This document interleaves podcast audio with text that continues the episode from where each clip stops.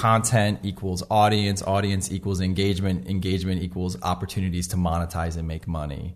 What is up, Merce Nation? Javier Mercedes here for yet again another Passion in Progress show, where content creators and entrepreneurs give practical advice to help you make a living out of your passion. On the 82nd episode of Passion in Progress, we're talking to the founder of Quire, spelled Q U I R E, and his name is Jason Anderson. As a firm, Quire helps media companies, particularly content driven media companies, content producers, figure out new ways to grow and expand their businesses. And we do that by delivering first ideas, new ways to generate revenue, new forms of content, new businesses they could acquire, and then we deliver teams to help them execute those new strategies for themselves. In this episode, we talk about topics like how big media companies establish revenue streams and how those same concepts can translate over to individual content creators, especially when it comes to doing something unique. I think throughout this podcast episode, the theme here is to do something unique in order to be successful, or at least by doing something unique, you have a better path to success. And if you know where you want to go, then you'll avoid a lot of the terrible things that you see happen where you have someone who's achieved a certain amount of success and is trying to build to what's next and they're listening to everyone else tell them what they should be doing. Oh, you should do this kind of deal because a similar you know, YouTube person did that kind of deal, or this mm-hmm. influencer did that kind of deal. That's terrible because it's it may be short term money for you, and it may make you feel kind of like, oh, I'm special too. But usually, if you really want to do something exceptional, you're kind of bucking the trend a little bit and you're doing something a little bit different and unique, or else ultimately you're going to just look like everybody else. Jason is one of those guys where I loved sitting in the room and hearing his thoughts on media. He definitely has a unique perspective on where content creation is going. We get into the future of podcasting. We also talk about how Netflix won in the battle between Netflix and Blockbuster and a whole other spectrum of topics that I know you're going to have interest in, like Martha Stewart. And as always, if you're getting value out of this show and you want to share it with a friend, I would not stop you in any way, shape, or form. You could post it on Instagram, Twitter. You could share it via an actual message by writing it down on a piece of parcel and sending it to your grandmother through the mail. You could do that for me and this podcast, the Passion in Progress Show. With all that business stuff out of the way, let's get into the 82nd episode of Passion in Progress with the founder of Quire, Jason Anderson. What a lot of people that follow this show could get from this is when I think of monetization, I think of like YouTube ads, like Patreon and um, like affiliate links and other things like that. But what are some other things that people could look towards when you're for the clients that you work with? Because it's these are whole teams of people. Like, how do you sustain a business around content creation for like huge, sure. massive teams? Yeah, it's it's really really interesting when you think about who we tend to work with, which are corporations, right? Yeah. Large publishers, let's say a, a Vice, a Refinery 29, a yeah. Fandom.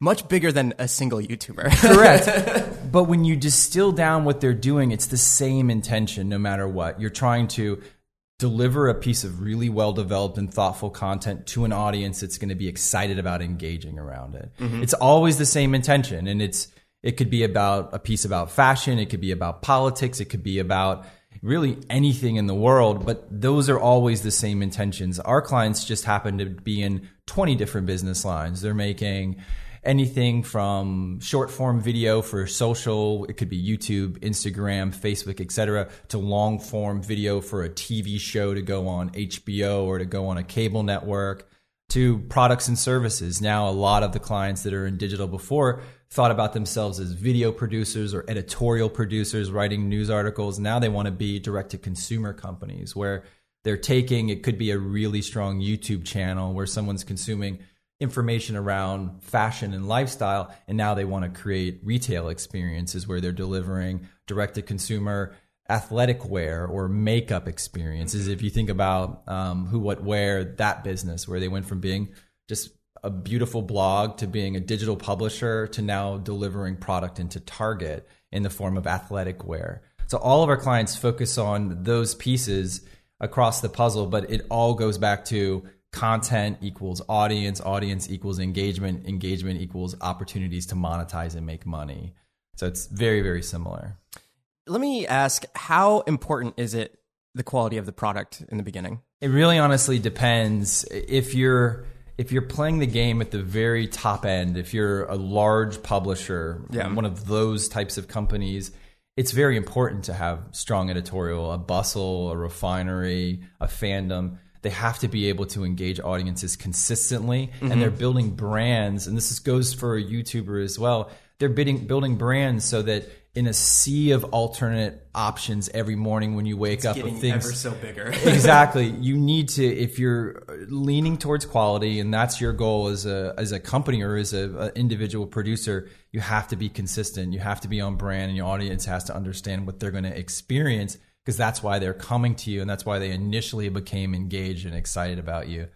So our clients spend an inordinate amount of time concerned about that every day. How do we go from always being perceived historically as premium to staying in that spot as being premium? And there's an inherent fall off that you sometimes see over time where it's when you're starting and you're small and you're just doing a handful of videos a day, it's really easy to be extremely creative, particularly when you have an inventory of ideas that have been waiting to be produced Yeah. when you're large, it's like being a record label, right? Like a big music producer. You need to go in every morning and have 20 new ideas, and that's extremely hard. So, our clients tend to have, I'm sure younger producers do as well, but a ton of anxiety around staying relevant, mm-hmm. it's, it's remaining extremely engaged, and then making sure that their brand is one that when audiences think about if it be going to their iPad in the morning or if it just be their, their normal social feed that they'll stop for a moment, actually dwell on that content while they're streaming past a thousand other different, you know, posts that they're seeing every day. So it's it's a really, really tough challenge. Mm-hmm. Extremely hard. What has worked in the past for what you've been doing for these larger corporations in terms of monetization? Yeah. So a lot of the transition that you've been seeing is you went from big publishers, video publishers or editorial publishers, owned and operated websites, and then the side social channels that existed. It was first we're a big publisher, we have this dot com and we're doing that. Even in the most current generation, and then social over the last five years became extremely important as a marketing channel, a promotions channel. And then there was the, a huge amount of, of hope and anticipation that it would become a really powerful monetization channel. And you, you saw our clients leaning deeply into social and even be, building social groups within their companies to build specific kinds of content and editorial. So in terms of monetizing, you obviously have the core, which is if you own a blog or you own a website, you monetize there through run a site traffic that comes through and the ad tech you've built or selling deals directly to brands or different sponsors for your website. And then in, into social, we saw them bridge out and use their social for bigger campaigns that they were running, running video inventory against social, and then obviously doing sponsorships against social. So they were able to take that similar audience that might be consuming on social when they're you know en route somewhere versus sitting on the actual website when they're more leaned back and consuming more content. They were able to expand into that as monetization and then you saw events start to pop up like with refineries 29 rooms. People were trying to figure out or fatherly they did an amazing activation recently with gillette where they said, okay, we have a core audience. They consume our content every day on social, on our websites. Can we bring them into a single location? And anyone can kind of figure out how to do this if you have a brand sponsor. And they rented out a location and they made it more feel like an art exhibit, like deeply engaging content about what does it mean to be a father? How do you think about that experience? Which is the same intention that everyone who goes to their social and goes to their website is there looking for. But they were able to be, bring in a, a large brand in Gillette and get a ton of, of economic value out of it, and the brand got a ton of value out of it by connecting engaged audiences focused on fatherhood and what it means to be a father, and then building a new monetization through a place or experience. And then the last piece is merchandise and different experiences on that front. Everyone is trying to figure out are there ways of understanding the data related to our audiences and it could be a small youtube channel or it could be a massive 150 million monthly unique big website you're asking the fundamental question that jeff bezos asked when he created amazon which was what does the customer want what are they what are they trying to consume You make it sound so simple. yeah, well, it is. It is a really simple question, right? Yeah. It's if you could build something and you understood what they wanted, you have a better chance of being successful, right? Because you understand demand. Yeah. And in in the instance of some of the digital publishers now and the digital uh, the digital brands, and it could be a, a consumer brand as well. They're asking, okay, since we understand the data around how people are consuming, what articles they like, what kinds of similar products they're clicking on and looking at, you can extract that data and understand it in the context of your audience and say, if we were ideating a new product, maybe it's a collaboration with a sneaker brand, with our brand. Maybe it's a, a, brand new, you know, reimagining like Glossier did, you know, makeup and eyeliner, but for their audience on a more narrow basis. A lot of that merchandise and direct to consumers top of mind for everyone because now you don't have to be a multi-million dollar or billion dollar company to have a product and sell it directly to your consumers. And that's a massive change. And so everyone, and this is what really led to a huge change in our attitude is we really look now at media. It doesn't matter if it's a YouTube channel, a massive website, a TV show, a movie, a documentary. Those are really just strong, deep engaged forms of marketing and engagement. Where you take that engagement is about your understanding of your audience and what they're interested in, in consuming. If it be more content, if it be experiences out in the world like events, or if it be merchandise that's connected to their admiration and appreciation of you. And that's the simplest way to kind of think about it. And it, honestly, if you wanted to, like, this is how your grandmother would understand it. Mm-hmm. it. Everything that's new is really old. As you grow older and start looking at the world in new ways, these are the same models that we had in like the 1950s where you had like or even in the 90s with Martha Stewart. Her job was to be a media icon so she could sell you housewares. There's no difference between that and the amazing people who have YouTube channels where they have they do recipes so that they can get a sponsorship from um, um, a housewares company or they can do a Mayfair TV commercial. It's the same motivations at the end of the day and human beings we ha- we've changed young and old in that we're more connected and we're more open to these engagement points but we're still looking to love brands. Like you love certain brands. I love Apple, and I'll buy whatever they tell me to buy. Because I, so true. Yeah, you know what I mean. Brainwashed by Apple. Yeah. Yeah, but that's the holy grail. And as a young, as a young person, or as an older digital website, that's it's the same desire. Be close and connected to your audience. Have them fall in love with you, and then figure out how to have a, a beautiful relationship with them where in the morning they're consuming content in the afternoon they're using a product of yours and then in the evening they're using you to, to navigate what next experience they want to have in the you know out with their friends like it's those are the types of relationships that they're trying to build now rather than just be a website or yeah. a social channel they mm-hmm. want to be part of your lifestyle yeah. yeah the i would liken it to music and you listen to your favorite artist, but then you go see them live. And totally. That I think perfect example of this is in a, a, culmination of so many different kinds of brands is South by Southwest. During South by Southwest, you go and even Vice is there. Uh, they have their their pop their pop up tents, but because of that, you have a actual tie, a physical experience with whatever that brand is, and whenever something pops up um, whether I'm flipping through or I see Vice, now I have this inherent um, uh, memory of like, oh yeah, I remember when I was at the petted goats at the Vice pop up at South by Southwest, exactly. which is like, does that have anything to do with them? Only that I had that experience at that place, exactly. but it's like that's how it ties in. So I think personally, in today's day and age of so much digital, if you can have something that's offline and where, like you said, other people kind of uh, gather at the same place, then you have the like-minded individuals.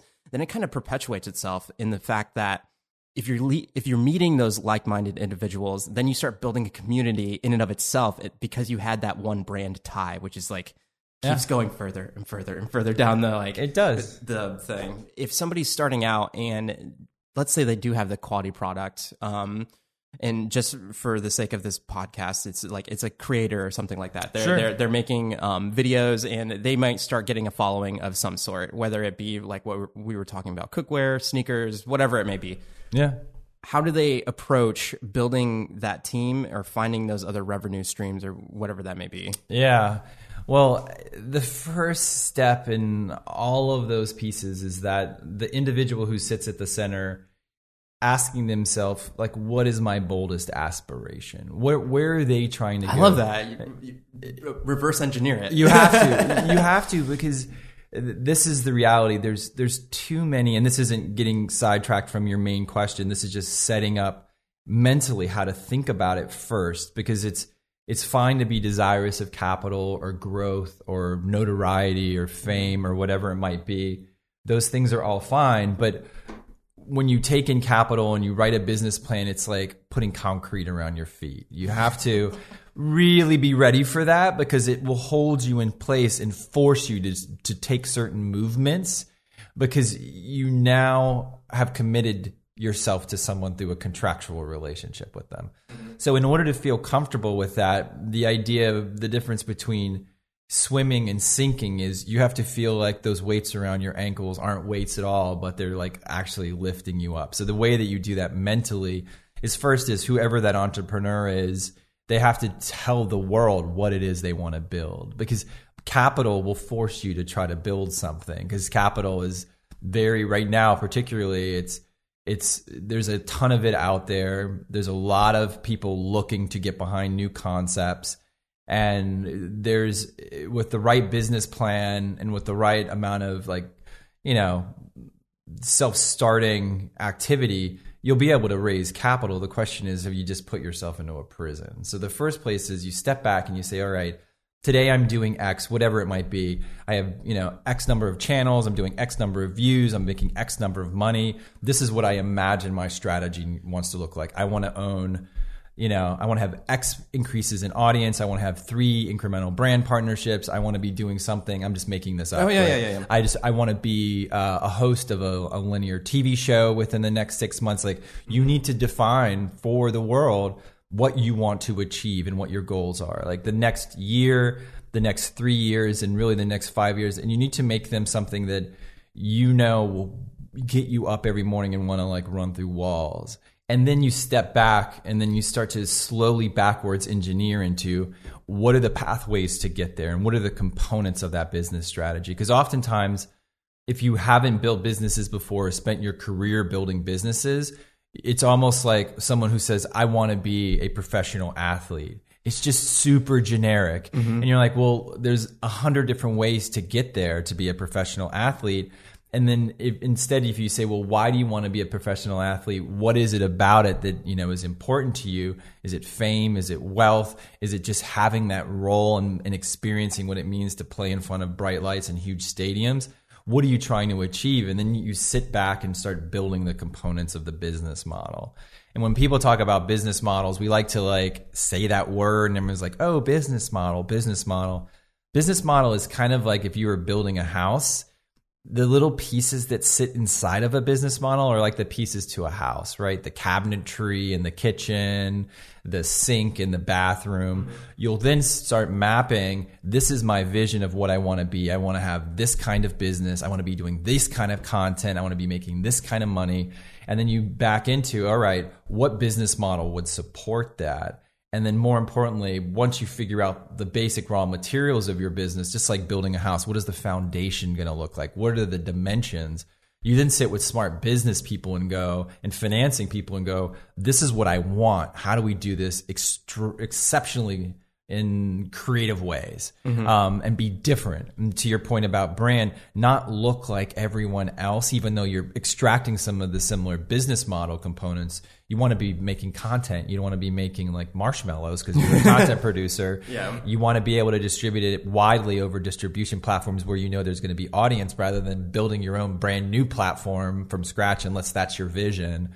And so all those pieces business people can help you sort out. And then essentially what you do is you'll be have this architected strategy and then a financial person who's the least important person of all of this frankly. No offense to all the people I worked with for years is they'll sit down and quantify what it costs you, what the timelines, you know, headcount cost or investment cost for technology and content legal, all the stuff to build your organization and, and, cost it out, and then you'll circle amount of money. That's the best way to do it. Start with your vision, figure out a unique business model, and then figure out what that costs. Just like building a house, same idea. What do we want? What is our vision? Who do we get to help us? In, you know, the architect, the general contractor, the Mm-hmm. Yeah, yeah, carpenter, and then once everyone sits down and you have a beautiful plan and you can see it in real real life, the finance people come in and tell you what it costs because Yeah. people cost are people cost. A, a CTO is X amount of dollars. A marketing person is X amount of dollars. Um, buying software, technologies, X amount of. These are all known, quantifiable things. The unknown and what makes businesses exceptional and powerful are the, actually the things you start with: the vision, mm-hmm. the passion. To your point, passion and mm-hmm. progress. Yeah. How- how- what is it that makes one person set up for success versus someone else. It- sometimes it's the business people underlying them, but it's pretty rare. It's usually the attitude and idea where that really gets things started and, and rolling. Or if you're off pace, like if you're a broken company, usually what restarts and reinvigorates companies strangely, as crazy as you think it isn't money or a bunch of suits going in and like going, oh, this company's broken, let's fix it. It's actually changing the narrative that everyone is focused on with that company and reestablishing a vision and a purpose for it and a Yeah. culture. And then you'll start seeing it change. No amount of money will make unhappy people happy. you know what I mean? I feel like that could just be taken for anything in life. It's totally true. it's totally true. And so that's the way, if you think about funding, that's the way I would start if I was someone who was seeing growth in my channels and seeing progress and saying, hey, I want to be much, much bigger than where I am today, but I don't know how to get there. And if you know where you want to go, then you'll avoid a lot of the terrible things that you happen, that you see happen when you have someone who's achieved a certain amount of success and is trying to build to what's next and they're listening to everyone else tell them what they should be doing. Oh, you should do this kind of deal because a similar, you know, YouTube person did that kind of deal or this mm-hmm. influencer did that kind of deal. That's terrible because it's it may be short term money for you and it may make you feel kind of like, "Oh, I'm special too." But usually if you really want to do something exceptional, you're kind of bucking the trend a little bit and you're doing something a little bit different and unique or else ultimately you're going to just look like everybody else in time. And you see this particularly in social, you see this rapid replication. Someone does something kind of cool, and then 50 people are replicating it within a week.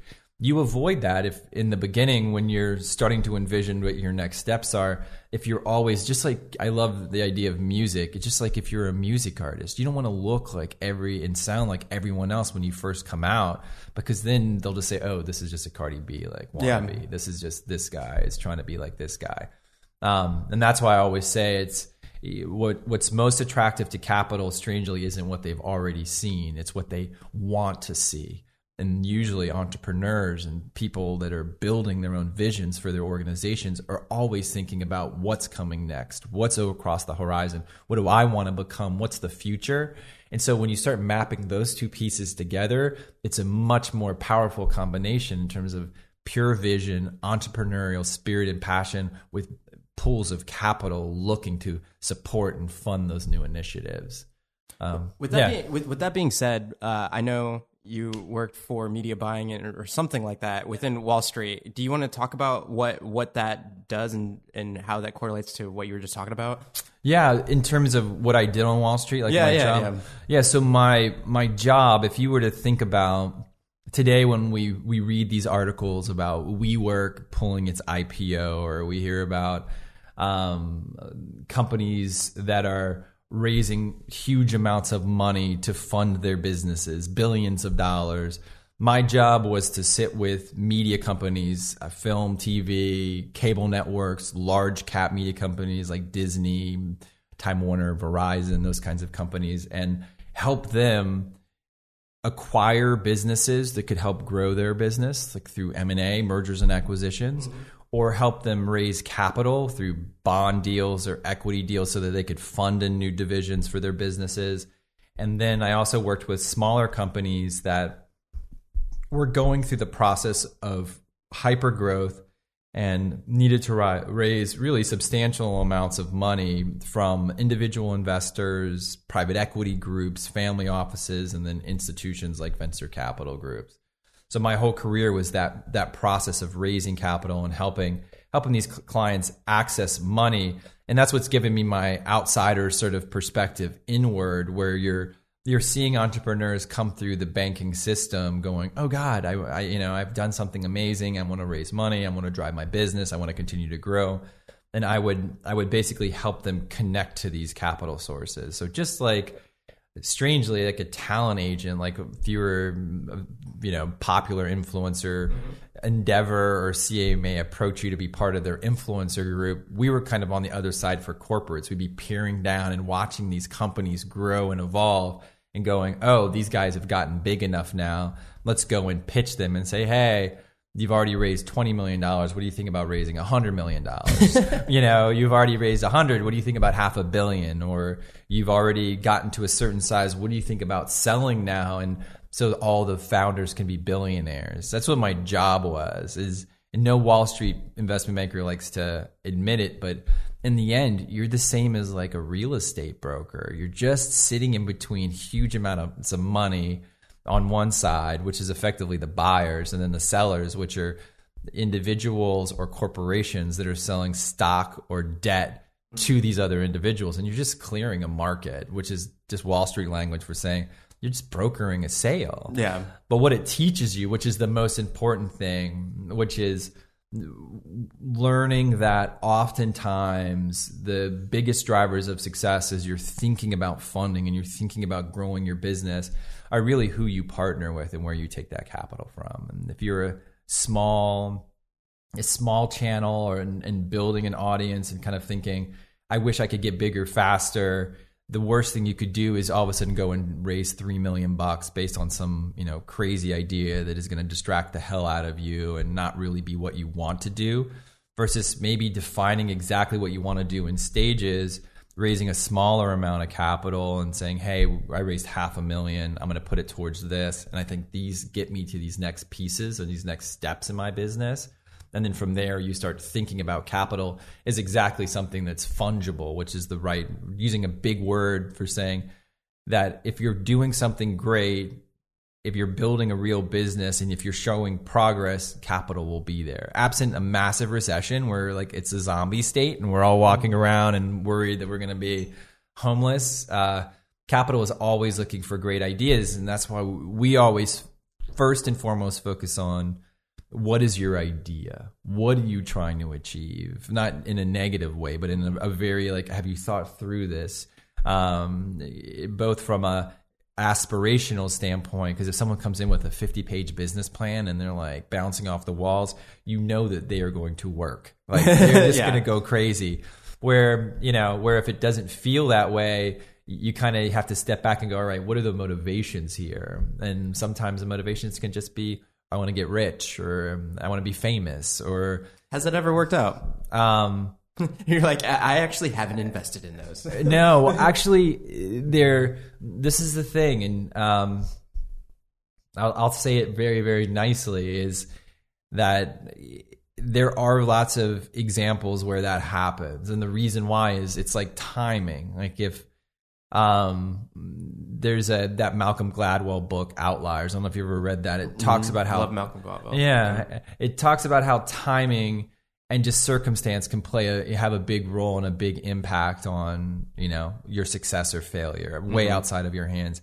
I've definitely seen in cycles where someone or or some company has figured out that something is popular and kind of get in front of it and aren't doing it for the right reasons they're just doing it to make money or they saw a business that's similar and they want to get rich you know i just graduated from stanford and i gotta have a tech startup so they Yeah. basically mimic somebody else's startup. And in the right cycle when there's a lot of buyers or investors yeah i've seen it work out for sure. It doesn't ever work out over the long term. Usually those deals turn out to be terrible deals. The companies end up imploding over time. But if you catch it just right you know what i mean? Yeah. just right in the cycle you can see that happen. And honestly if you this is nothing against the press and even my own clients frankly um, we spend so much time talking about those random successes in our world versus focused on the fact that it's so hard to build a business. It's just to even get something started, it is brutally difficult. Mm-hmm. We tend to focus on those things so people actually think that success is easier than it really really is. It's very hard even for great huge corporations that have, you know, boundless resources, boundless people. Google fails like on things. Apple fails on products. Like everybody fails. That's that's the normal thing. But yeah, the reality is sometimes shit is I like to say shitty products and services succeed for a period. And then, I like how you're being real about it. though. yeah, exactly. And and then in time the customer figures it out. Yeah. You know, and then we all go "Bah." you know, For those done. that are just listening, he did the little like the cut it off. Yeah, exactly. We're done with this one now. Mm-hmm. Yeah. So, yeah. It sounds like your expertise comes in with you have an overall view of whatever a company or person is trying to accomplish, and then you can come in and just come with a completely different mindset of how to approach a success in that business. How does it look like uh, when it when you are thinking about money transactions? Because what I what I'm hearing is that you may approach a client or a prospective client and say, you. It sounds like you might have the idea to say, like, I don't know if you actually need to be looking for capital right now. How do how does how do those conversations kind of look? If the conversation even starts um, and begins to percolate within a company, it's one of two things. Either one, they're growing really fast, right? And they're like, uh oh, we need money because if we don't have money, we're not going to be able to achieve our goals. So Yeah. that one's a positive one. That one's usually much more, I just call it like tactical. Okay, how much do we need? Like, what's the amount? And who are the right sources for it? And we'll carve up the world of private equity, venture capital, strategic investors like big corporations that mm-hmm. invest in things and say, where should we get it? That's the positive one.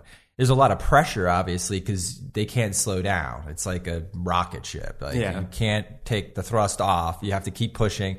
So there's timing pressures there. That one's a little bit easier because you can kind of figure out and map the story is going to be amazing. There's lots of growth, lots of excitement around the business. They've achieved their goals so far. And now we're coming and saying, look, you can join this, you know, join up with us when everything's amazing. It's beautiful. Um, the other side of it is the darker side, which is where things are tough, right?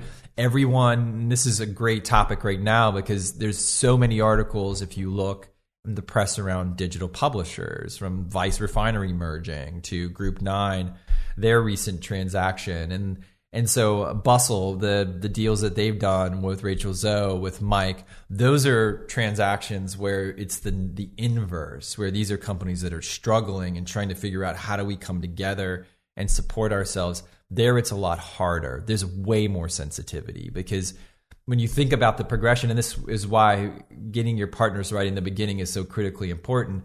When you've taken in other rounds of capital, they had expectations. It's like, you know, it's like a partner in a relationship. You've got into a relationship and established a certain set of of needs and their expectations were usually capital related meaning you need to be increasing the value of my investment. And these companies find themselves where they're not increasing the value they're decreasing the value of that investment. So those prior investors have a voice into where are you getting the capital from? What does the valuation look like and are we going to take a hit meaning as you do those rounds of financing you're hoping that you're increasing each time and your company isn't theoretically worth more. Mm-hmm. All of a sudden, you're facing a situation where it's going to be worth way less. So those other older investors are saying, wow, I'm going to have to go back to my investors where they got their capital from and explain to them that this one is a die. It's dying. you know? So many tears of money flow right now. Exactly. it is. It's it's a very sad thing for them, but it's not. It's it's in the end it's they made an economic decision. It didn't work out well and now you're having to have all these conversations. And that's if you look across digital media, particularly the publishers that were super hot 5 years ago, they're all dealing with this right now of how do we bring in more money because we got to keep growing but no one believes our valuations anymore. Um, so that's usually the core dynamic. If it's growing really well, you have no shortage of opportunity. You, you're like, you pick your future. You pick who you want to work with. If you're on the other side, you pray to God that someone is going to be excited about you and that you can get the capital you need to keep on going. Because where we are in the in the cycle in digital and in many areas is we've gone through the, the the hype side where everyone thought, oh, you're you know a YouTube creator, you're valuable, or you're an influencer, you're valuable, or you're a digital publisher, you're valuable. You're all going to be the future. and where we were talking about billion dollar valuations for some of these companies. Now everyone's looking at it and going, uh, uh we don't believe that anymore. We think that your guys are worth way less. And so that shrinks the pool of capital because people coming into that dynamic are like, "Ooh, this sounds way more risky than when, when everyone was celebrating every week, you know, some new success." So those are the two sides of of of learning about the the dynamic and the potential relationship with capital. But in the end, it, it, it really is driven by where the company is, how it's doing, and then ultimately what history it's already built behind it in the past. And those are the tensions. What would you say, going back to, I think, um, one of your first answers, owned and operated versus social space versus whatever the else it's going to be in the future? Yeah. It seems like when I think of going on the internet now, I don't even think about uh, going up to the top browser and clicking. And even if I did put something in there, it's going to be a Google search. Yeah, for sure. Uh, yeah. which I think is crazy in today's day and age of like uh, something so simple as like TikTok now and, and those that it's an app but I think of the internet as a culmination of social media apps as opposed to here is a owned and operated.com org and all that kind of stuff Completely. um where i just want to know your opinion on what, what what that is right now and for everybody that's building things it just seems i think the advice that most people get is you have to build your own and operated space because you don't know what's going to happen with an algorithm change Right. on anything but where the eyeballs are in my mind are in all of these social spaces and each one kind of plays its different role in order to Yeah. click through to your owned and operated but at the same time i feel like the the disparity there in where people are going is like it's just so much more convenient to be browsing on a social media app to get your content than to go specifically to a source Completely. what what is your opinion on it So this is this is the this is actually a very philosophical question, Yeah. right? When you think about it, I'll I'll frame it a little bit different because this is this is the way I believe people should be thinking about this question.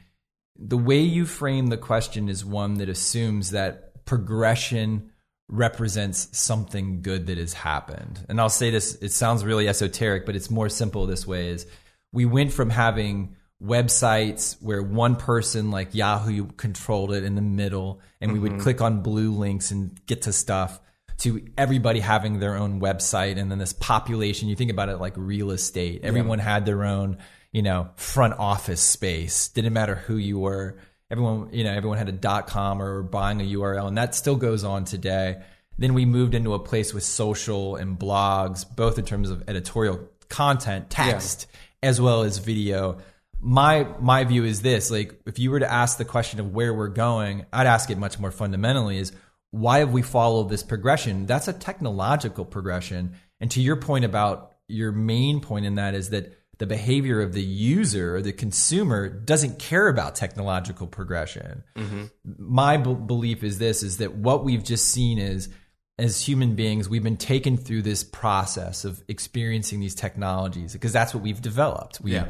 you know youtube came later so we saw social video later. What if youtube would have come first? Would we be even asked even talk why would you even talk about owned and operated websites? It's just uh, it's a histological histor you know sort of historical kind of fact that we're talking this way but i would say this is that where i think the everything is moving is towards a central focus on audience first and foremost. People are saying this is what i'm delivering to the world if it be video content editorial content auditory content merchandise or whatever. They're just saying who's my audience? What experiences do i want to deliver and how do i want to figure out how to monetize and then you step back and you say, what channels are most ideal for me? And how should I think about that? Because then you may actually decide, and this sounds insane, that a, a, a, a thick 200 page printed magazine that comes every three months to someone is the right product for you to sell.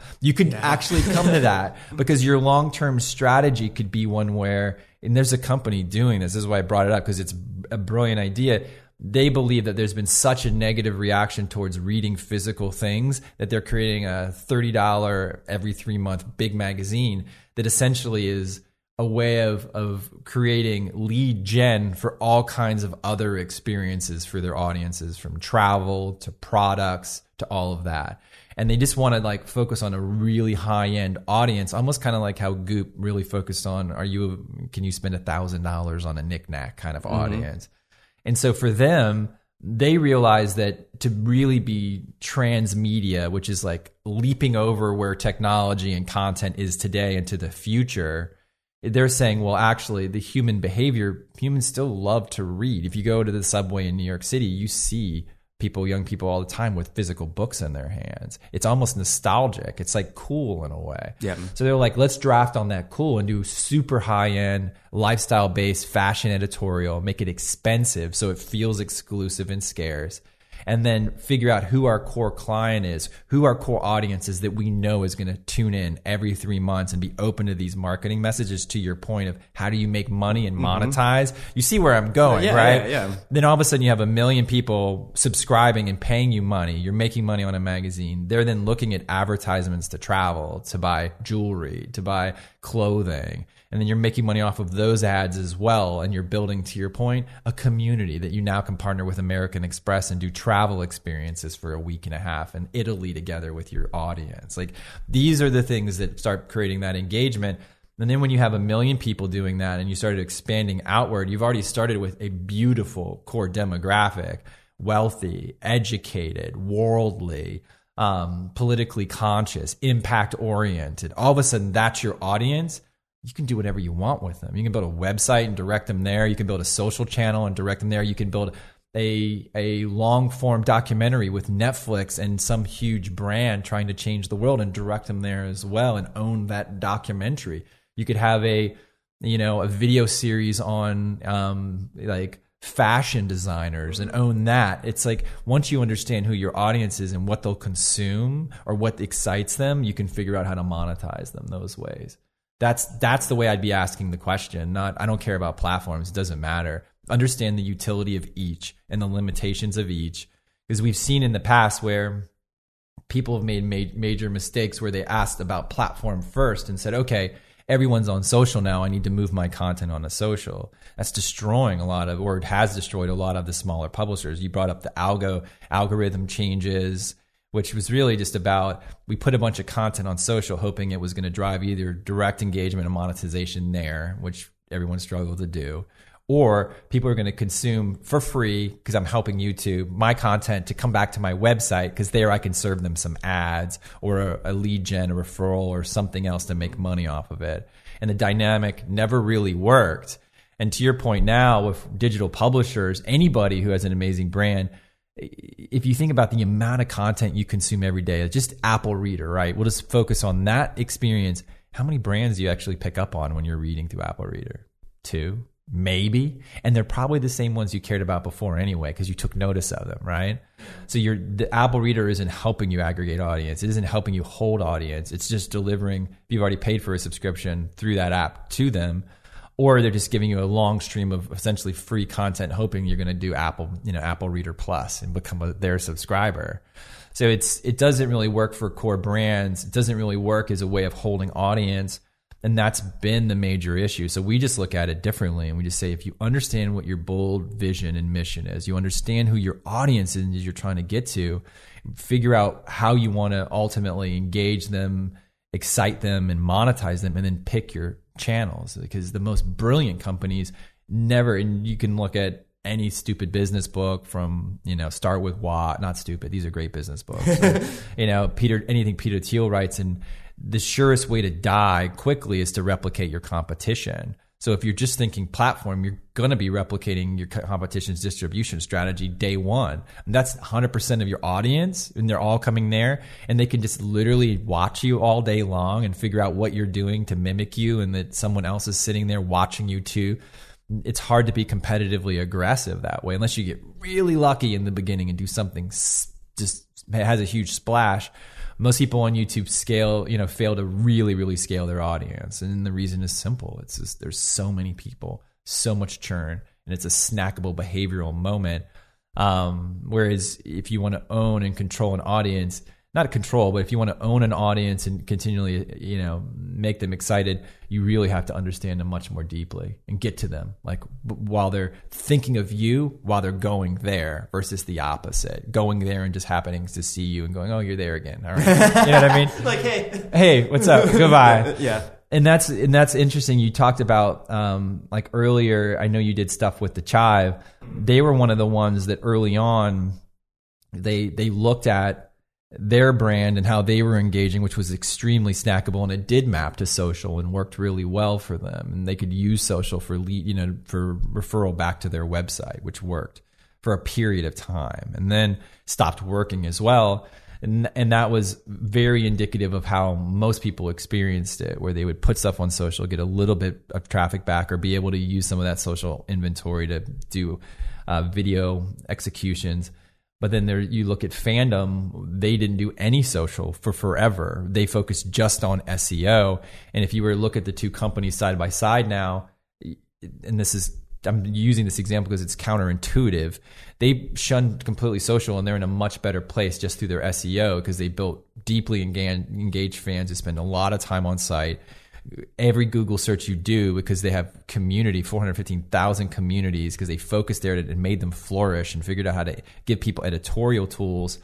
I would say that fandom's in a much better place because every time you're at fandom for most audience, you know, for most of their audience, um, they've gotten there either because they've searched for something that's specifically relevant to things they're interested in, or they've come there directly for that that website itself. And that's a powerful driver of success and, and, value in the future. And there's no confusing while you're there. Whereas social, it's, it's harder because we would look at their, we would look everyone, we would look honestly at everyone's social traffic and try to understand why it didn't have the same level of engagement and, and what was going on. And the answer is you're just behaving so differently in the different environments. Mm-hmm. Yeah. I love the podcast Business Wars, and I just got done listening to the Netflix versus Blockbuster. Okay. And, and uh, in there, and I'm just bringing it up as a reference yeah. to Netflix saw the whole in the very beginning saw the whole like DVD to consumer thing. So they they mapped that thing, and then they built the infrastructure so they could get it there even faster. Then Blockbuster was like. Well, let me let us copy this model, and they were sending people to like go take quote unquote selfies at the Netflix distribution centers just to like see what was going on. Fast forward, Netflix had to get in front of everybody else because they knew once other people got privy to the fact that, oh, if you have the content online and you can stream it in quality, everybody else is just gonna it's like such a simpler business model and you can make so much more margins and everything so they're like how do we get there fastest to do the things and yeah. they started out with like the not so good B type movies and everything, but yeah. people were watching it, and I think it was because of the convenience and it was cheaper. And then all of a sudden, they started doing their own thing, and then they came out with House of Cards, and it was like, oh, now we have our own owned um, uh, real estate of a show. People can right. have to come here. But then things like HBO were coming along and they're like, well, we have Game of Thrones. They're like, Netflix wanted to be like the HBO of the online space. And then, then like switching it around, HBO wanted to be like the Netflix and like, and now we're in this place. Yeah. And now, yeah. now we're in this place where everybody has their own original shows and like Disney just started Disney Plus and all that kind of stuff. And yeah. I think it's crazy be, getting to the, um, thinking about the audience perspective. Uh, it's like there's so many places you can go now for the snackable content. It's like completely diffused the cable concept, and now it's like, where do you want to go a la carte for your content? That's right. Um, I, I when you were talking, that's what I it reminded me of, in just yeah. the terms of these people started at first, and by these people I mean Netflix, and then everybody else was kind of copying that model. But now it's kind of the norm of if you make your original content, you can go watch it in that certain space. Well, if you think about that's like a really brilliant analysis. I oftentimes when I think about, I know the banker that actually worked with Blockbuster when they were going down, Alan. Um, but that's beside the point. It wasn't his fault, obviously. Um, but from what I heard, it was, it was yeah. they had to reach a certain um, they had to reach a certain uh, money mark, and then they actually would have been profitable. But the way that they saw the losses, it was just like management or whoever it was didn't want to keep continuing on their their online content model and Yeah. if they just would have kept going towards a certain way they could have gotten over the hump but i don't think they did Well, it's it's the easiest way to think about it, and it goes back to your question earlier around how do you think about platforms. Blockbuster was always no joke distribution. Mm-hmm. They were never a creative organization, not meaning that they weren't creative in terms of business model, but they're sort of like the movie theater business. As much as the movie theater business wants to convince you that they're creative people, they're just distribution. They they build seats, they have concessions, you go in and watch a movie. They sit in between the creatives, the studio, and the customer. Netflix said this. They saw that uh, in the end that Blockbuster was not only fighting the realities that they were sitting in the middle and just being a distributor and not adding any value to the experience of the consumer. When you would go to Blockbuster and rent a videotape, what were they adding? Nothing other than me physically being able to touch the tape and take it with me, right? Or the Yeah. DVD. Nothing of value. Netflix looked at it differently, which was if we could understand the consumer and what they're consuming and why they're viewing it, then we can build an extremely bold strategy that says, we don't want to be Blockbuster. We want to be Disney.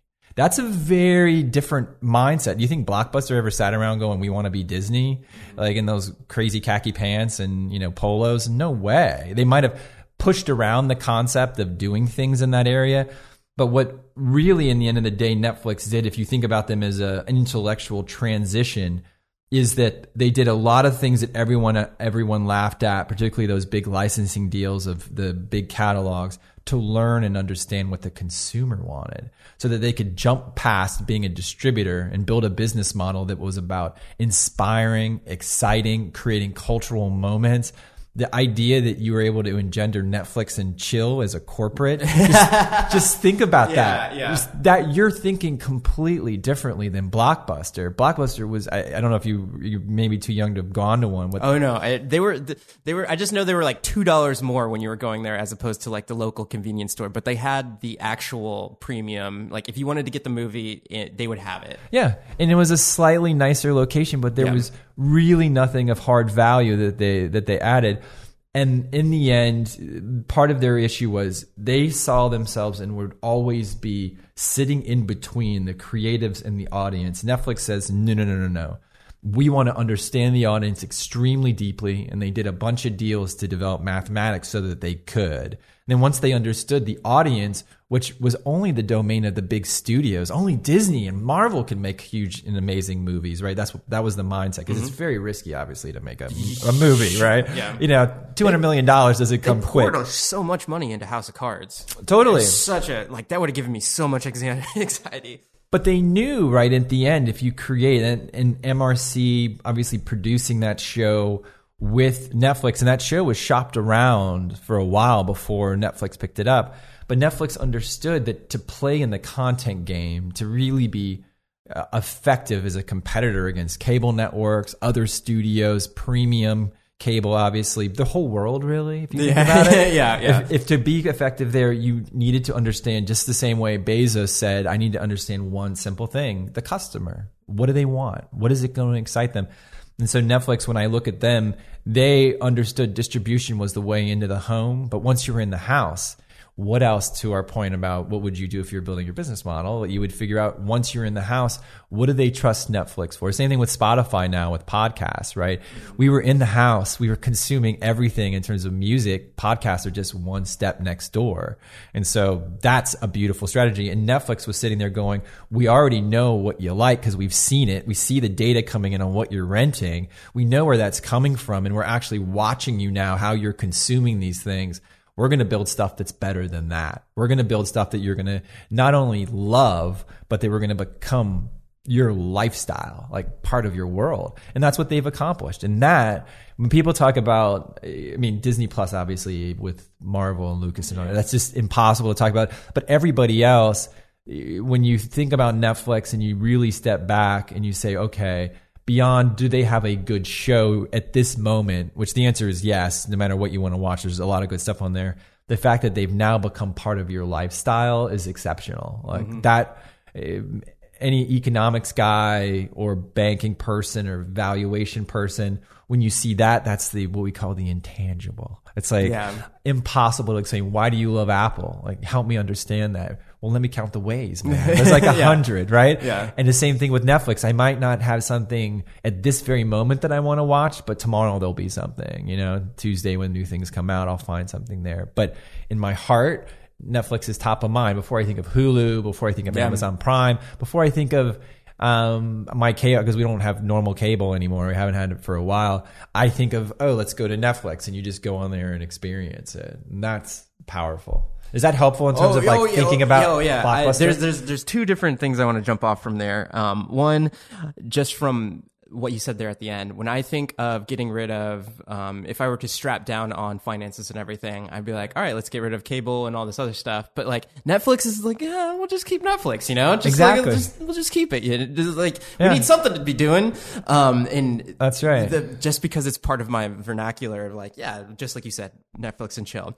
The big one that you said though was Yeah. Spotify and podcasts, and Sure. I think personally, just from being in the space, I love Spotify for podcasts. I had one um, person that I did a podcast with that he had a huge Brazilian audience, and he when I released the podcast, everybody was asking him like, "Oh, where's it on Spotify?" And I normally I'm like, "Here's the Apple link," and they're like, "No, where's it on Spotify?" So that one just took off on Spotify, Right. And the thing I love about Spotify is there's many things, but their analytics are so much more in depth. I can get so much more information from their back end than Apple Podcasts. The other thing too is uh, just because like you said, people are there to watch watch. People are there to um, listen to music, and then it's already. It's just like it just makes sense. It's a convenient like I don't know fork in the road to like oh let me go listen Yeah. to my podcast at the same time. Which just to, to, to say one comment that already existed as a behavior. Like this is like an important point in that podcasts are essentially syndicated radio. Like Yeah. back in the day, and people were already used to going from a pop station to NPR. Yeah. It's like you're not blowing people's minds in like a bad way. They're like, "Oh, cool. I already understand this experience. They're just now on Spotify. This is amazing." And so you, it made complete and utter sense because we, one of our clients, we all we were really trying to push them to to think that way, not to think about podcast is just a way to put advertising against sound, but instead to think about it in terms of well, what is your audience? What would they be doing that would be similar to this that would increase actual listenership and and, and time spent listening to podcasts? Yeah. So it's really cool. So Joe Rogan obviously has a Yeah. huge podcast, right? Huge. And I know there was one episode or two that I was listening to, and he was talking about how the Spotify guys would come to him and be like, "Hey, we're starting a Spotify podcast. Like, you join the platform." And he's like, "What are you gonna do for me? I'm just like, I'm going to be bringing you so much on this platform." So Yeah. to this day, uh, I don't think he's on Spotify. And I th- think that's like, hey, I've been on Apple, and then obviously he's on YouTube. Does really well in those spaces Yeah. but I think it's more the the Facebook model of things where Spotify is just soaking up everybody, all of the other podcasts. So eventually, everybody's just going to have to be on that platform, regardless of Yeah. if you want to be there or not. And the last thing I want to say on it too is that the fact that Spotify already has in place ways to monetize passively to its creators. So I don't know how that will look for uh, podcasters and if podcasters will get paid for if you have so many downloads and then if somebody has a premium account do they pay their podcasters but in the future since they already have that model there it'd be awesome if it's like that's a thing and if that happens or if it's already happening i could see just spotify overtaking apple in the podcast realm but i I, the, I think Apple's just so huge right now because they were first in the space, but Spotify is just so disruptive in podcasts right now. I agree. Yeah, it's I am and you probably have a view on this. I don't know where I sit right now. I feel like the podcast market is much like frankly the video market uh, for TV shows. There are so many. Yeah. And there's some uh, one of my clients has uh, one of their shows is connected to the number one outdoor podcast. Like, and nobody listens to it. It's like, it's so small because there aren't many people in outdoor. But then you look at Joe Rogan and he has millions of people tuning into him. And so we look at that market and, and we're still like, we're still a little bit confused because as much as people are listening to podcasts, there's so many more hours than any humans could actually listen to it right now. So Yeah. is it going to narrow itself down into like TV, frankly, where you have 10 podcasts that matter to the world and the rest of them are just like Yeah. micro indie bands? Because if it devolves into that, which I hope it doesn't devolve into like, you know the you know the, a terrible version of 10 terrible podcast shows it's just just because when things become mass market they tend to devolve a little mm-hmm. va- rather than become more powerful and beautiful and so if it devolves into that, it'll it'll unfortunately just become those podcasts would probably be the ones that receive the most monetization. They would drive the most subscription value. Yeah. And so it becomes almost like cable network land now, where if you own ESPN, you drive a ton of audience and a ton of value because the market is narrowed down from a thousand different people talk. Because if you go and go to sports podcasts, there are tens of thousands of them. If you go to commentary on a cable platform for news, there's six channels, right? Yeah. Big ESPN, Fox Sports, blah blah blah. You know, like the main ones. There's obviously other ones that are lower ones. But if the market devolves into that, then you know what's going to happen. Those 10 podcasts are going to control the market, have the most value, and, and have the most. And there'll be a rotation, just like in normal TV. Ones will fall out of favor, a new one will emerge.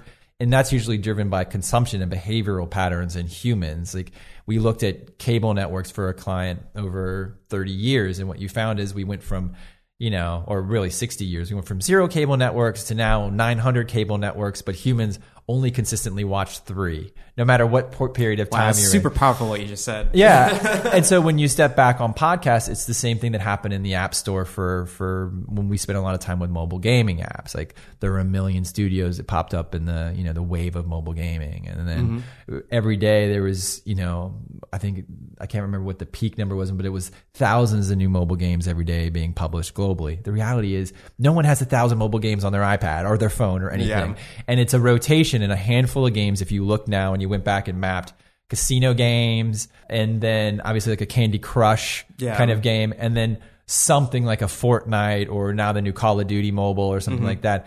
It's always sort of similar because as much options as you give people, we just don't actually like that many options. And over time, markets evolve. So that piece of it is you have to step back on podcasts and say, well, where do I think the customer is moving? Are they going to be consuming a hundred? To be a theme. Yeah, it the is. End, the end user. and the end user because it's like all right well where do i think they're going to go do i think that people's daily habit is going to turn into five podcasts a week because then you can build up a market you know based on that or if you say well no podcasts are kind of going to be like you know youtube reaction videos and there's going to be a small market for them. People are going to dig them for a period and they might have like a boom in a certain segment for a second but then the the interest will die down because something new will happen and that's where we're going. You know what i mean?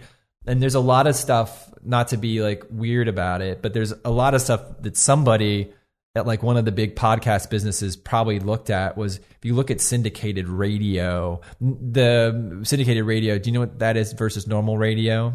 Uh, uh, whole networks, correct? no, just think about it this way. Like um, back in the day when radio was coming up, you had a guy in there on a microphone like we are now talking all day, and they would rotate different DJs in. Yeah. And certain DJs, like a Howard Stern, got so big that they could actually syndicate. and he would shop that that show, and then it would appear on all different markets. the whole everything. Yeah. nation. And so we saw this evolution where you went from small market guy who's successful to national guy that's successful or, or woman that's successful. And then radio said, we're not going to, we're not going to have DJs anymore. We're just going to use syndicated hosts. So Howard Stern became the, you know, the 6 a.m. to 10 a.m. guy, even though he was doing it in New York and California, right? Because mm-hmm. you could get him and he was consistent. Everyone loved Howard Stern. And then poof, you had a successful show versus relying on some local person who may or may not be funny enough in Yeah. the LA market. So you could look about, think about podcasts the same way. They basically went through what was radio, which is people just talking and giving news or talking about current events or NPR telling stories. And they chopped it up and said, okay, this is a political block. This is a drive time block, like a Howard Stern, you know, with jokes and like fun, you know, fun interviews. this is uh, a sports block, you know, CBS Sports. If you hear on the weekends on the radio, that's syndicated radio. It's the same thing as a lot of the podcasts now. It's just structured and distributed differently.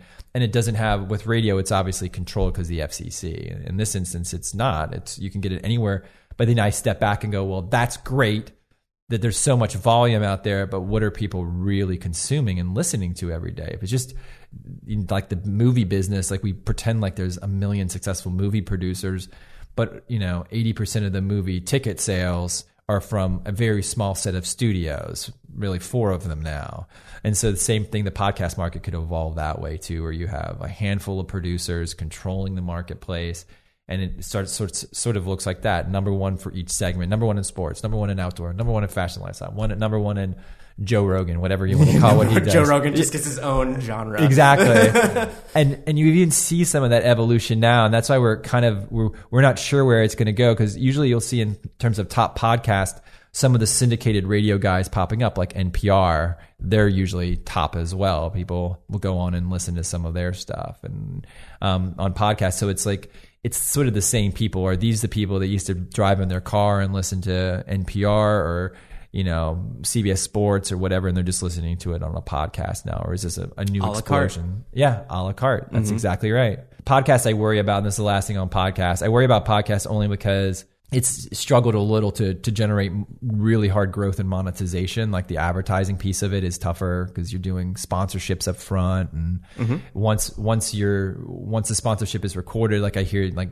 Joe Rogan when I listen to him or anyone's podcast that has sponsorships, you're sometimes hearing the same sponsor from like two weeks ago, three weeks ago. It's harder to like suss in new sponsors like with TV shows you can rerun them mm-hmm. and then put a different advertisement in you know yeah. each break it's harder with podcast it seems like well with so the syndication service that I use is Libsyn and in Libsyn uh, once you hit a certain mark you can actually go in and exchange out your your, your ads. ads on your entire library which that's I know on the back end when you look at it in the interface it's like email so and so at Libsyn to yeah. do this it's like it's yeah. some, some like random some some guy at Libsyn that's like okay you want to uh, overhaul your whole catalog here's my job like it's just like that's, that's where amazing. it's at right now okay but, yeah but i know that there are systems in place in order to if you have set up your podcast in a way that here's the before the podcast starts and here's the break we can take those out of the MP3s and insert your new uh, new ads. Uh, your new ads, so it, it's refreshed, and that way the uh, the end user or I guess the content creator can get more against the ads that they're trying to sell. That's great. Um, yeah. But I mean, that again, that's just like a little small piece of it. Uh, let's let's start to wrap it up with what you do. What you do. Why do you do it? Why do we do it? It was a very simple evolution. We started working with clients that had really, really bold aspirations, and we realized that what we could offer just as bankers and consultants was limited. Like it only offered if it'd be kind of like let's build a house, but we only invited a plumber and a carpenter. Like you're missing so many pieces. And many of our clients continued to struggle because the markets were going really fast. Their competition was getting more fierce. So we just envisioned a, a, a new and extremely unique solution, which was let's look at this first starting by defining the problem, figuring out what team you really needed to attack it, and then deliver that team, even if it meant going beyond bankers and consultants into strategists, into data scientists, into content people. And then we we built these interdisciplinary teams from scratch and we really saw massive results. And we we're like, hold on a second. Like if if everything that we've been trained to do is wrong in that we just offer one small little piece of the puzzle and that can control the outcome very well. What if we worked much more completely with our clients to deliver something comprehensive? And then four years ago, that's where we started. And I've been following along because it's been fascinating to see the transition. Like talking with me versus talking to a normal like business person, I've been fundamentally altered by seeing this process over and over and over and whereas to your questions early on, where before I would start with a piece of technology or I'd start with a platform or an understanding about, you know, what how the business is operating today, we now start with you know what is the fundamental thing you're trying to achieve, and who is the audience that you think is interested in that, or consumers, and then how do we build something exceptional below that that's very different as a business model, so you can be more successful than you ever would have been if you just kind of did it like everybody else. So that's why. Mm-hmm. Yeah, yeah, you're. It seems like you're very in tuned to making things work for, even if it's the most ob- ob- obscure of ideas, or you may be able to take that process and be like, oh, so you say it may be this one thing, but really what it's at its heart is this other thing. I'm talking in exactly. complete generalities, but I'm sure you've had conversations yeah. like that. Well, it just goes it goes back to Steve Jobs, right? In in his thinking about with Apple that we can we can define problems based on what we know, or we can start defining play problems on what we hope to achieve. You know, that aspirational, rule breaking kind of attitude and idea. And that always means you're going to move into a place where everything isn't certain anymore. Yeah. You know, and where you're coming up with something brand new. And it always sounds nutty, right? It always sounds just crazy in the beginning. Like if I were to, if you didn't know a social platform and I described even something as like, normal today as Facebook, you'd be like, whoa, what the fuck is that? Like, yeah, why? Exactly. Why? Same thing with YouTube. It, all of these things are magical when we first experience them. But the reality is, like with YouTube, when it when you first experienced it and thought it was magic, whoever created that was thinking five years away from now, mm-hmm. you know? And saying, oh, this is going to be amazing. This is going to be the most important thing where all this interaction is going to happen and so our job is to sit down with people that on their face may seem crazy, right? Or have aspirations that are crazy. And on either direction, when you're a big company and you're failing and nothing's working, hoping that something's going to work is crazy. Because you know what I mean? Because yeah. it's like, all right, we've, you know, this has been terrible. And it's the same way that if someone comes to us and goes, "Hey, we want to do X, Y, and Z," and it's never been done before, that sounds crazy too. So it, it's just different forms of crazy, you know. Yeah. But but both both inherently the same, you know, in terms of their ultimate end goals, something better, something exceptional, something beautiful coming out of it, you know. Last question I ask, and I'm very interested to see what your answer is for this, but I like to ask people what's their best investment in the last year that they've made. Yeah. Oh man, this is going to sound weird. I, I, if you don't mind, I'm going to do a non-financial one. Like, oh yeah, yeah. Well, that's that's what I mean. Like, it yeah. personal, uh, yeah. business, whatever it may be. Yeah, I, I will. It's, it's literally changed my life. Which is, I, I grew up. Just to give context, I grew up in a military household with not a lot of money. So I led a life where I just thought, if you work really hard and keep your head down and push, things will work out for you. Right, like that mm-hmm. attitude. I realized that's really a terrible way to look at life. And uh, the beginning of the year, I started meditating. I started doing more physical activity, and and and said in, instead of just activity and push and action, I started to try to find like calm and patience and and much more contemplative approach towards life, and it has changed my life. The investment in the time to meditate, even with like a little goofy app for 10 times a day, just radically altered my life of just taking a beat, you know, rather than constantly grinding. And I found that it, it is, it's changed my relationship with my wife. Um, it changed my relationship with clients and it's given me a newfound sense of calm that do you ever watch this this old movie Apocalypse Now? You know, with William Duvall, it's like in the middle of a battlefield on a on a, on a beach where bombs are exploding on around him, and, and the narrator is talking about how like even though the bombs are exploding, he's just he's walking so casually, and but he's deeply engaged and he understands the situation and he's moving towards you know confronting it but he's not erratic. He's not overwhelmed. He's not stressed and I wanted to find that headspace and like be there. Mm-hmm. And and I've slowly been building myself up towards that, and that's been the thing that's I would say fundamentally altered so many facets of my life. You know, it's amazing. Well, and this is me assuming you probably are dealing with so much money uh, in terms of like your clients and everything. So that has to be super stressful and that would be like a metaphor to the bombs going off and everything like that. So, in order for you to be in charge or have the uh, execution or the the knowledge to be like, we should do this with said things, probably comes with a lot of stress. And in order to achieve a higher level of just like calmness. That's right. Sounds like And it just the reality is is we don't and this isn't just my idea this is science's idea is that we don't make the best decisions when we're under stress and oftentimes and this is the biggest thing we don't see obvious alternatives that could be way better for us or the situation or we don't see certain pieces because of the stress and the feeling of must come to a conclusion must move to the next step I've just learned that now, not channeling like Warren Buffett or like some Zen Buddhist, but just being honest about it. It's sometimes the answer is not to look for the answer, it's to try to reframe the question. And that means pulling back and contemplating and thinking about the situation versus just saying, as is the case in most business people because this is what you're trained. If you're a leader, right? If you're mm-hmm. that guy or girl, you're supposed to be able to make quick decisions and do all these things.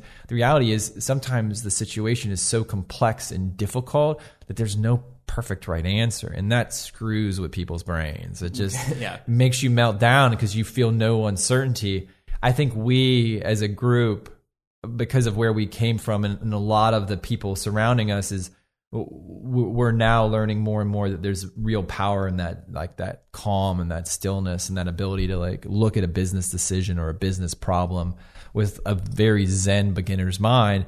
And this is the weirdest part of it all that we found is oftentimes the answers to those problems don't lie in business answers. There's sometimes the person framing it is just hyped out and freaked out or whatever and they're not looking at it clearly.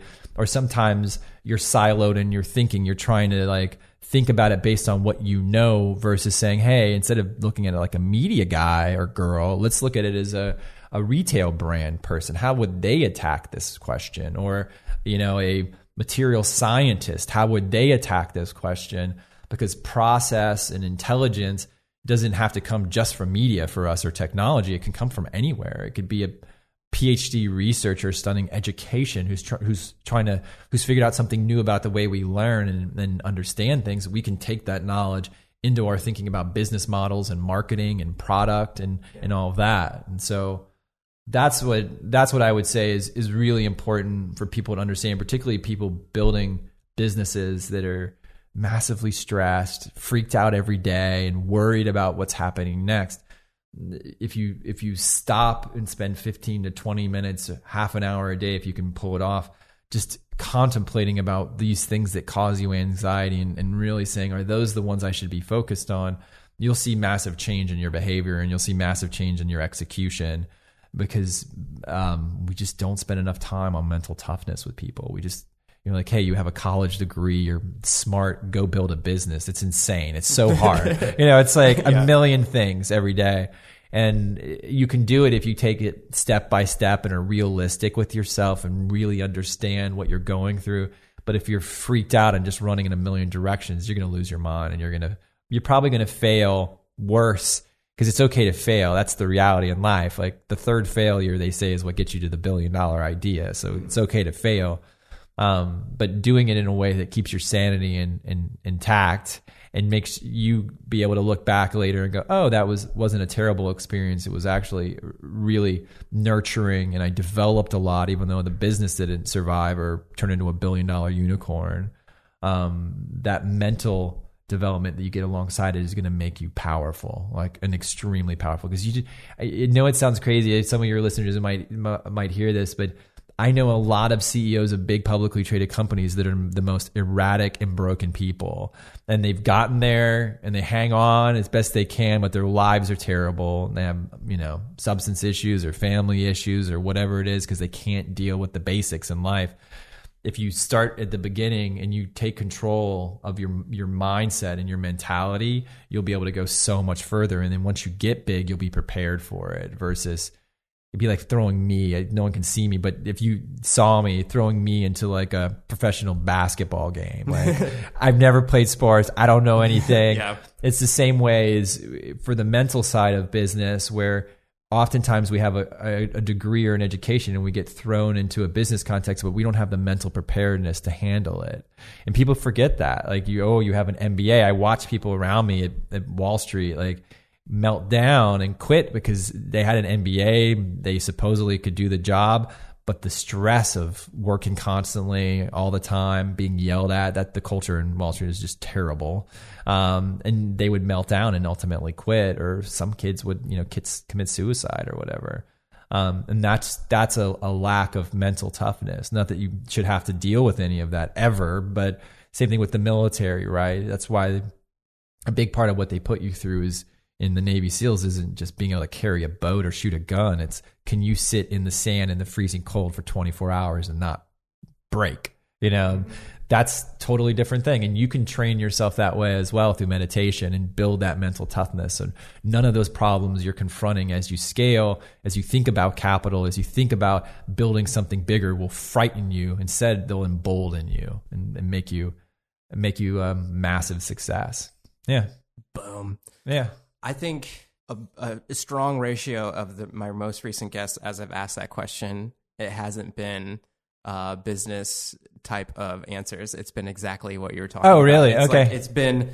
I, let me tell you, I started getting fit, or let me tell you, I said that I was going to shut off my computer at 7 p.m. and I'm going like, and now I'm spending time with my husband. And obviously, there's outliers, or there's there like there's an 80-20 rule there, but for the most part, I'm they're they're cutting off from whatever their work component may be and spending time on themselves, whether that be through fitness, meditation, or some other means. I love it. Yeah. I love Uh, it. But it, there's got to be for those listening. There's got to be something to that, and myself included. Uh, I if you were to ask me that question, I recently did a challenge which was something similar where you do like drink drink a whole bunch of water each day, get fit, and then also um, like read ten pages of a book and uh, like all these simple things. But uh, in doing that, I like, and part of it was like spending time. You had to spend 45 minutes outside doing an exercise each day. And I think that was the best part of it because being a video editor, just being inside, like it can get taxing. oh, I'm sure. But when you spend 45 minutes outside, I if I'm actually once I got done with the challenge and I'm like really into edits now, I go outside and I like just literally a breath of fresh air is like whoa, vitamin D from the sun. This is awesome. Like it's really rejuvenating. For but sure. I don't want to hold up people too much longer. If people want to contact you or if they want to get involved, or uh, how would they go about looking where you're at? Yeah, they can go look at our website. Obviously, there's a ton of information there, or anyone can contact me through LinkedIn or any of the social platforms if they want to talk about stuff. I'm happy to connect with anybody and give advice. Yeah, and it's Quire spelled Q U I R E, correct? That's right. Uh, and it's thequire.com. Exactly. Yep. Awesome. That's right. Well, thank you so much for your time. My pleasure. All right. and until next episode, if you guys wanted to share this out, I would love you forever. Hope you're out there living a life of abundance, and I'll see you guys on the next podcast.